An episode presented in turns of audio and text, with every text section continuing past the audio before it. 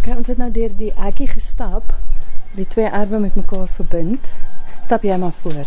Knock knock. Hallo. Enige iemand hierso? Welkom, welkom, welkom, welkom. Hallo Lenet, kyk dit ek saamgebring. Hallo Lenet. ek het hier langs dan by Sanna gekuier en toe besluit ons ons kom gou 'n draai hier maak. Welkom almal. nou luisteraars sal onthou 'n hele ruk terug eintlik het ek by jou kom kuier. Het ons daar in jou ateljee gesit en kuier en gesels oor hoe jou pad met kuns baie interessante storie terloops. Die gesprek is beskikbaar as potgooi op ons webwerf. So luisteraars wat dalk wil weet wat die storie is, gaan maak gerus 'n draai daar. Maar ja, ons het kom in loer Sanna het haar ateljee vir my gewys. So Dis 2 jaar gelede, weet jy, dis die jaar. so lank. Ehm um, dis die jaar waarin ek 60 geword het. Jy's reg. En dit is toe ons bietjie gepraat het oor die 40 jaar van aktief met kuns besig wees. Eindelik nog voor dit, maar dit was die laaste gesprek wat gegaan het oor die kreatiewe proses ensovoorts. Gepraat van daai kreatiewe proses. Ek meen julle is nou letterlik 'n hekkie is tussen julle twee. Het dit sy voordele om as twee kunstenaars langs mekaar te bly? Nie as jy beklei nie. Ja, maar julle doen mos nie dit nie. Ehm um, ja, weet jy dit uh, die ek het al voorheen gesê dat hierdie vier huise hier so in 'n ry was deel van die die ontwikkeling van Oupa ten Kroden. En die toe ek die huis hier langs van gekoop het, het hy 'n verskriklike groot agterwerf. En ek het altyd gesê as ek iets hier kan doen met dit 'n kreatiewe verlenging van die kreatiewe gees wees wat in die hele area loop. En die ou motorhuis en goed was ook plek waar my pa in die aande met sy houtwerk gewerk het. Ons het groot geword met saagsels die reuk van saagsels van hout van oor die hele Afrika in ons neus gehad. So en dit was 'n wonderlike kreatiewe plek. So die die feit dat ons langs aan nou 'n pragtige ateljee het en dat jy die klank van kreatiewe proses hoor elke dag is vir my baie persoon, persoonlik baie lekker. Jy weet skilder maak nie groot geluid nie.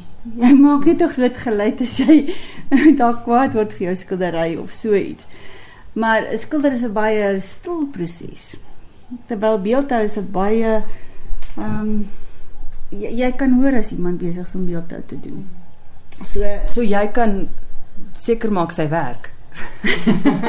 dis haar eie storie dan. Maar wat wel lekker is as ek as ek oor my eie persoonlike uh tyd in my lewe nou en en die feit dat daar nou die laaste 3 jaar nou wel hier 'n groot ateljee langs aan is en ek nou later gesien het ehm um, hoe dit my eie werk kan verbreed. Ek het altyd met uh bladgoud gewerk soos wat die luisteraars dalk nou al van weet. En vir my as persoonlik is dit uh, baie lekker gewees om vir Sanna te vra my te help met die groter metaalwerke waarmee ek mee besig gesê ek kon op haar kennis intap en haar sy na personeel kom my help om hierdie reuse groot werke nou te doen. En dit is wat die hekkie tussen twee eiendomme wonderlik maak want jy hoef nie die die werk te vervoer nie En uh die ou groot muur van die motorhuis is die plek waar jy teen jou vertoon as jy klaar is. maar nou ja, wat ek wil sê oor die kreatiewe proses en metaal met metaal was nog altyd deel van my metaal en hout. Was ja. twee dinge wat nog altyd saam met my die pad geloop het en uh dit is nou vir my lekker. Ja, ek kan vir Sanna vra Sanna stuur jou mense kom help my gou-gou in hierdie gedeelte en dit kan help daarmee. En sou jy partykeer Sanna vir hulle net kom roep en sê, "Kom kyk gaga." Ja, baie kere want ehm um, ek dit is vir my lekker om ehm um, kreatiewe oog te hê wat sy sy sy dink baie soos 'n beeldhouer, maar sy is nie een nie. En omdat sy nie een is nie, kan sy eintlik weier kyk want mense is geneig om vreeslik baie jy raak geslote met met veral as jy so besig is met jou eie goed. En dan kyk jy nie wyd genoeg nie. En en die ander ding van Lenet is is sy omdat sy so baie reis. Uh dit sy in in soveel plekke in die wêreld al was. Haar haar visuele alfabet is ongelooflik groot. En die oomblik wat sy dit dan inbring wanneer ek vashak of wanneer ek dan dan het daar 'n verandering wat intree. En daar daarvan hou ek. Dit is baie lekker. Ek Ek het vir baie jare saam met ander beeldhouers soort van geresoneer, maar die probleem met dit is dis almal raak later dieselfde. Mm. Waar met hulle net nooit nie om in sy juis nie een is nie want sy werk met kleur. So sy sal na my vormgewing amper in die, in die op in die manier van kleur kyk. En dit dit is heeltemal 'n ander ervaring. Die wit muur waarteen jy rolprente gekyk het is nou reeds daar. Kan 'n ideale muur wees vir jou ateljee net. Ja, ek dink is van 'n leef die ateljee wat ek nog altyd wou gehad het. Mm. En dit is dalk deel van die toekomsdroom van hierdie hele area. Ehm um, ten minste bietjie groter ding ook vir die toekoms en dalk voor dit na die einde is sal ek ook 'n uh, eh, die tipe van ateljee wat ek graag wil hê. Uh en op 'n stadium het 'n mens gedink jy gaan kleiner werk, want jy's nou ouer en dit is nie meer so maklik nie. Maar na jy jou tweede asem kry, jy nou weer lus weer vir jou groot werke waar mens baie meer kan doen, dink ek. Ehm um, ek sê ek doen baie keer nou deesdae doen ek my opdragwerk is nou kleinwerke terwyl my vertoonwerke is die grootwerke wat altyd omgekeer was.